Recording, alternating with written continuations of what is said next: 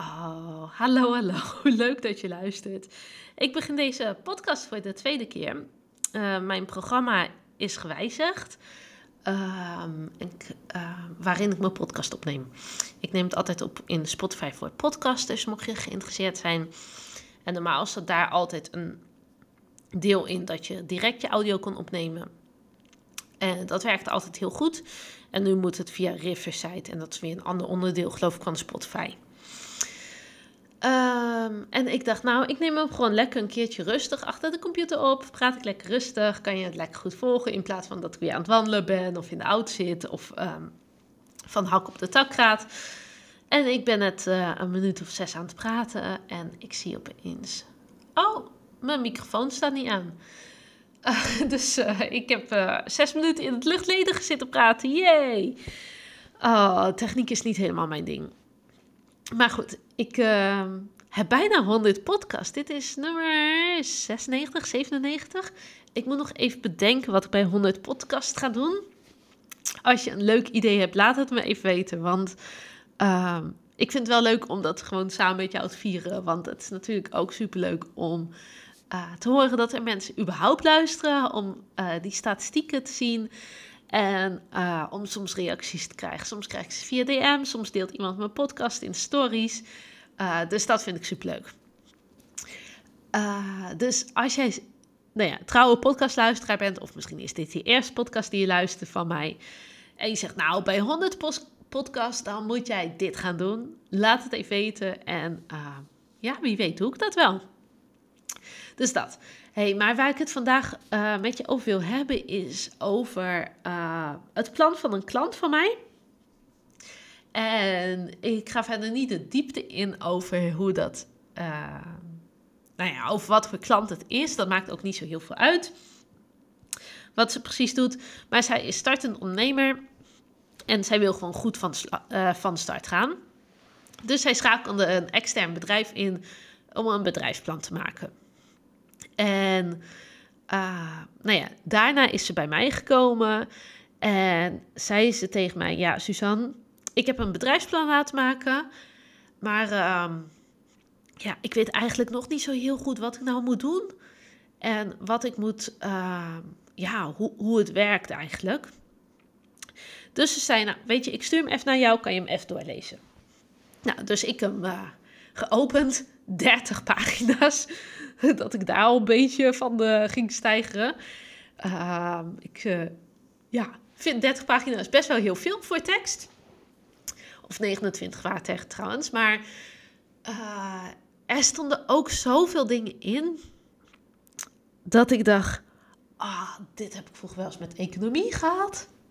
Dit heb ik vroeger, um, nou ja, hier heb ik nog nooit over nagedacht analyses en marktonderzoek en ja, echt hele uitgebreide tabellen, berekeningen. En het was super analytisch en helemaal heel lastig om te vertalen, zeg maar, naar oké, en hoe ga je nou gewoon ervoor zorgen dat je klanten krijgt met je bedrijf? Terwijl dat eigenlijk op dit moment voor haar het belangrijkste is. Hoe zorg ik ervoor dat klanten krijgen? Dus dat was uiteindelijk ook een beetje de vraag waar ze uh, mee bij mij kwam. Van hey, denk met mij mee. Hoe kan ik mijn bedrijf nou goed opstarten? Hoe kan ik aan mijn klanten komen? Hoe kan ik alles goed inrichten? Um, en zo'n bedrijfsplan, nou ja, dat. Uh, ik heb wel eens vaker een bedrijfsplan gezien, maar ik heb nou ja, wel eens een bedrijfsplan voor mezelf gemaakt, maar nooit zo uitgebreid. Um, er zijn heel veel dingen in dat plan waar ik echt nog nooit over na heb gedacht. En ik kan me voorstellen dat als je van iemand hoort, ja, je moet echt met een bedrijfsplan komen. En je gaat zo'n format opzoeken van 30 pagina's, dat je moet invullen met allemaal analyses en dat soort zaken, dat je totaal blokkeert. Ik heb dat in elk geval wel. En ik denk heel veel creatievelingen uh, met mij, omdat wij gewoon niet nou ja, analytisch denken is niet ons allersterkste punt over het algemeen. Soms willen we wel gewoon dingen uitzoeken, maar we hoeven het echt niet ingewikkelder te maken dan dat is. Um, dus dat uh, bracht mij op een leuk idee. En dat was een bedrijfsplan op 1 A4. En die heb ik maar gelijk even in twee versies gemaakt. Uh, ik heb een soort textuele versie waar je het gewoon uh, in vakjes kan invullen. En ik heb een visuele versie waarmee we echt een uh, ja, reis gaan maken, eigenlijk langs een eiland met een boot en met passagiers en de storm. En nou ja, van alles en nog wat komt daarin voorbij. En dat past allemaal op één A4'tje. En nou ja, ik heb dat uh, sinds gisteren aangeboden. En het is nu een aantal keer bekeken door mensen en die zijn er echt wel heel enthousiast over. Omdat het gewoon super praktisch is. Het is op één A4'tje. Het heeft een video van 38 minuten erbij. Dus eigenlijk loop je er zo doorheen. En uh, ja, het maakt het veel tastbaarder, veel, ja, gewoon praktisch toepasbaar. En je weet wat je aan het doen bent. Je hoeft niet meer rond te dobberen of iedere keer van koers te veranderen. Zeg maar, zie het een beetje van, uh, stel jij uh, uh, stapt nu in de auto. Misschien zit je wel in de auto als je deze podcast luistert trouwens. En je denkt, nou, ik ga naar ehm, Barcelona rijden. En uh, je denkt, nou, dan uh, moet ik een beetje naar het zuiden. Dus uh, nou ja, op een gegeven moment zie je nog wel Maastricht op de borden. Dus je rijdt richting Maastricht. Maar daarna, ja, dan, dan wordt het wel een uitdaging hoe je dan in Barcelona komt zonder navigatie. En ik heb het idee dat heel veel ondernemers eigenlijk zo hun bedrijf runnen. Dat ze denken, oh ja, ja, we, gaan dit doen. We gaan een bepaald doel bereiken. We gaan een bepaalde omzet behalen. We gaan een bepaald aanbod creëren. En beginnen aan de reis, heel fanatiek. En denk, ja, oké, we gaan. Kom op jongens, tjak, tjak, tjak. En uh, dan ben je onderweg. En eigenlijk bij, nou ja, na de eerste hobbel, na de eerste paar afslagen, dan ben je eigenlijk al helemaal de weg kwijt. En uiteindelijk kom je misschien uit in Berlijn in plaats van Barcelona. Is ook hartstikke leuk trouwens, maar is toch een iets andere bestemming. Um, of misschien kom je uit in Barendrecht. Zou ook zomaar kunnen. Het begint ook met een B. Ja, niet dat er iets mis is met Barendrecht, maar dat is toch wel iets anders dan Barcelona. Uh, als je klein stukje verder rijdt, kom je trouwens in Portugal. Klinkt als Portugal als je het snel uitspreekt, maar dat is het ook niet. Nee, dat was even tussendoor. Maar ik wil je wel even meegeven hoe belangrijk het is om wel te weten wat je aan het doen bent met je bedrijf. Um, en daarom maakte ik dus dat uh, bedrijfsplan. Ik stuur een linkje um, in de show notes, dus dan kan je die gewoon eventjes nalezen. Als, uh, of kan je ook die video even downloaden als je dat tof vindt. Uh, maar ik wil je in elk geval een paar principes meegeven en um, nou ja, ten eerste vind ik het heel belangrijk wat echt het eindresultaat is wat je aanbiedt. En ik zeg bewust eindresultaat omdat het niet gaat over het primaire resultaat. En ik ga hier gelijk even het verschil uitleggen. Ik weet ook niet of dit de juiste woorden zijn, maar het is wel zoals ik het zie. Um, stel, jij bent fotograaf, dan lever je foto's. Je levert een fotoreportage af digitaal of in een album. Dus dat is gewoon het resultaat wat je aflevert. Maar wat je eigenlijk wil afleveren, zijn de herinneringen, zijn de emoties die weer opgeroepen worden. Uh, zijn de tastbare momenten, de, nou ja, het verhaal wat verteld wordt door de foto's. Het zelfvertrouwen wat iemand voelt door de foto's. Afhankelijk van de soort fotoshoot natuurlijk. Maar dat is het echte eindresultaat. En zo kan je dat naar ieder beroep uh, of iedere sector vertalen. Als je designer bent, uh, iedere designer levert een huisstijl of een logo of nou ja, net wat de opdracht is. Maar wat je uiteindelijk wil, is dat je klant merkt van hé, hey, er is een stuk herkenbaarheid. Er is een stuk professionaliteit. Er wordt een andere doelgroep aangesproken. Dat is je uiteindelijke eindresultaat. Dus zorg dat dat echt helder voor jezelf is van oké, weet je, ik ben niet alleen meer bezig met wat bied ik aan, dus enkel die fotoshoot of die designopdracht of wat anders. En als je deze lastig vindt en hier gelijk errors bij krijgt, laat even weten. Uh, maar ik denk dat dat heel belangrijk is. Verder vind ik het nog wel heel belangrijk. Wat is je aanbod? Hoe help je mensen? En wat maakt jouw aanbod unieker dan al het andere aanbod? Uh, zie het inderdaad. Nee, laten we even fotografie nog steeds als voorbeeld nemen. Stel, jij bent gespecialiseerd. Ehm, stel, je bent trouwfotograaf, maar je zegt: Ik ben gespecialiseerd in bruiloften in kastelen. Dan is dat super duidelijk voor mensen. En weten mensen dat ook.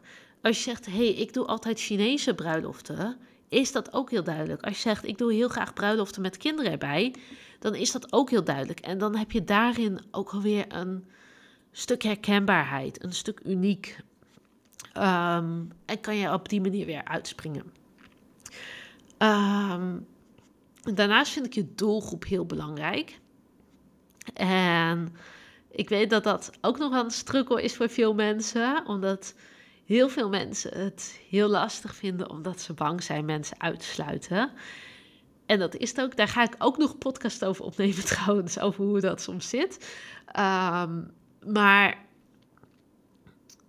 ik denk wel dat als jij heel goed weet tegen wie jij praat, dat je ook veel makkelijker jouw meest ideale klanten aanspreekt. De mensen met wie jij het allerliefste mee op reis gaat. Waarmee je zegt van nou, jou vind ik het allertofste om mee te nemen. Uh, om, om mee samen te werken. Dus uh, weet ook die echt heel goed. En dan wil ik het vooral met je hebben over die psychologische uh, gedachten, zeg maar. Je wil niet alleen maar weten, oh, het is een vrouw van 33 die van pizza houdt en twee katten heeft. Nee, je wil weten wat er in haar hoofd omgaat. Je wil weten, heeft ze bepaalde twijfels? Heeft ze bepaalde verlangens? Heeft ze uh, bepaalde levensovertuigingen? En daarop inspelen, zodat zij zich echt aangesproken voelt. Um, en daarnaast denk ik dat het heel belangrijk is voor jezelf om te weten van... oké, weet je, wanneer zit jij in een lekkere flow? Wanneer denk je, nou, weet je, ik kan op deze manier heel de wereld aan? En wanneer blokkeer je? Zijn er bepaalde momenten dat je denkt, nou weet je, ik kap er helemaal mee. Uh, dat je je heel erg onzeker voelt, heel erg de struggles voelt. Hoe komt dat? Waar um, komt dat vandaan? Uh, wat triggert dat? En hoe kan je daarmee omgaan? Weet je bijvoorbeeld op een bepaalde moment van, oh ja, soms hebben mensen in de winterperiode, van nou, dan zit ik altijd slecht in mijn vel bijvoorbeeld. Of je weet van, nou, ik ben mantelzorger en als uh, dat familielid waarvoor ik mantelzorg ben meer aandacht heeft, dan is eigenlijk het werken aan mijn bedrijf het eerste wat uh, ik laat vallen. Maar juist door al dat soort obstakels ook te uh, identificeren, is het ook makkelijk om mee om te gaan, omdat je al erop voorbereid bent. Het is niet dat er opeens een beer op de weg staat. Uh, je ziet hem van ver aankomen en je weet, oké, weet je, die beer komt eraan. Wat gaan we daarmee doen vandaag? Gaan we daar langs? Gaan we de confrontatie aan? Gaan we het gewoon afwachten en uitzitten? Soms kan het heel goed zijn hè, om gewoon eventjes een stapje terug te doen. Uh, maar laat het niet te veel beïnvloeden. Nou ja, al dat soort zaken komen terug in dat bedrijfsplan. En ik ben echt um, groot voorstander van zo makkelijk mogelijk ondernemen. Dat je echt gewoon lekker praktisch aan de slag gaat. Dat je het lekker makkelijk maakt voor jezelf. En het niet ingewikkelder maakt dan dat is. Uh, want je kan alles wel overdenken. Maar ja, als je alleen maar overdenk, aan het overdenken bent, zeg maar, en daardoor niet stapt, start, sorry, uh, ja, dan kom je er niet. Soms moet je echt gewoon even zeggen van, ja weet je, het is eng. Ik heb het misschien nog niet perfect voorbereid, maar ik ga het toch gewoon doen. Ik weet dat dit bijdraagt aan mijn groei. Ik weet dat dit bijdraagt aan mijn persoonlijke ontwikkeling. Ik weet dat dit bijdraagt aan mijn bedrijf. Dus ik ga het gewoon doen. Want kan je je voorstellen, hè? Uh, jij bent nu een startende ondernemer. Stel, dat je ervoor je. En misschien ben je al jaren bezig als je deze podcast luistert, maar misschien ben je net startend. En uh, je hebt het uh, laten bouwen van je website, heb je laten uitbesteden. En die website bouwen, die zegt: Ja, oké, ik denk dat ik ongeveer twee maanden de tijd heb om jouw website goed neer te zetten. Je zegt, oké, prima. Nou, het is nu februari, dus half april gaat jouw website live. En je gaat zitten en je zit te wachten. En je zit nog even te wachten. En ondertussen, er komen geen inkomsten uit je bedrijf. Je hebt nog helemaal geen visie. En je bent bezig met het wachten op een website waarvan je niet eens weet eigenlijk wie er komen, hoe je je klanten aanspreekt en dat soort zaken. Dus waarom zou je niet op dat moment al gewoon beginnen met uh, bijvoorbeeld posten op Instagram, uh, met naar een netwerkbijeenkomst gaan, met gesprekken met je doelgroep voeren, zodat je in elk geval weet wat er speelt, hoe je makkelijker content kan maken. Desnoods doe je een paar gratis opdrachten. Um, om in elk geval wat werkervaring op te doen, zodat je daarna ook gewoon mooie reviews hebt voor op je website. In plaats van dat je nu twee maanden gaat zitten wachten totdat jouw website een keer af is, zodat je kan starten. Nou ja, en zie, zie dat hetzelfde als met het overdenken. Dus ik zou ja, je eigenlijk aanraden van, hey, ga, als je dat nog nooit hebt gedaan, een bedrijfsplan maken op 1 A4'tje. Ik heb super mooie templates voor je gemaakt voor je. Um, dat kan je echt wel helpen. Als je zegt van, hé, hey, ik heb liever uitgebreide, is dat natuurlijk ook helemaal prima. Maar ik wil je vooral meegeven, zorg dat het werkt op een manier, uh, ja, dat het past op een manier die bij jou werkt, zeg maar. Dus, en ga lekker aan de slag. Ga niet alles overdenken. Ga echt bedenken van, oké, weet je, is dit een zorg voor nu? Of kan ik ook direct nu acties ondernemen om wel al stappen te maken? om wel die eerste stappen te maken uit mijn comfortzone. En misschien is het nog niet perfect, maar alles is een leerproces. Dus dat. Uh, hij is iets anders geworden dan de podcast die ik hiervoor aan het opnemen was, maar ehm, de intentie is hetzelfde. En ik hoop dat je ervan hebt genoten. Ik ben heel benieuwd wat je ervan vindt. En nou ja, nogmaals, als je een idee hebt hoe ik mijn honderdste podcast, had ik dat nou in deze gezegd? Ik weet het niet meer zeker. Ik heb bijna 100 podcast. Um, hoe ga ik dat vieren? Laat het me even weten wat een leuk idee is.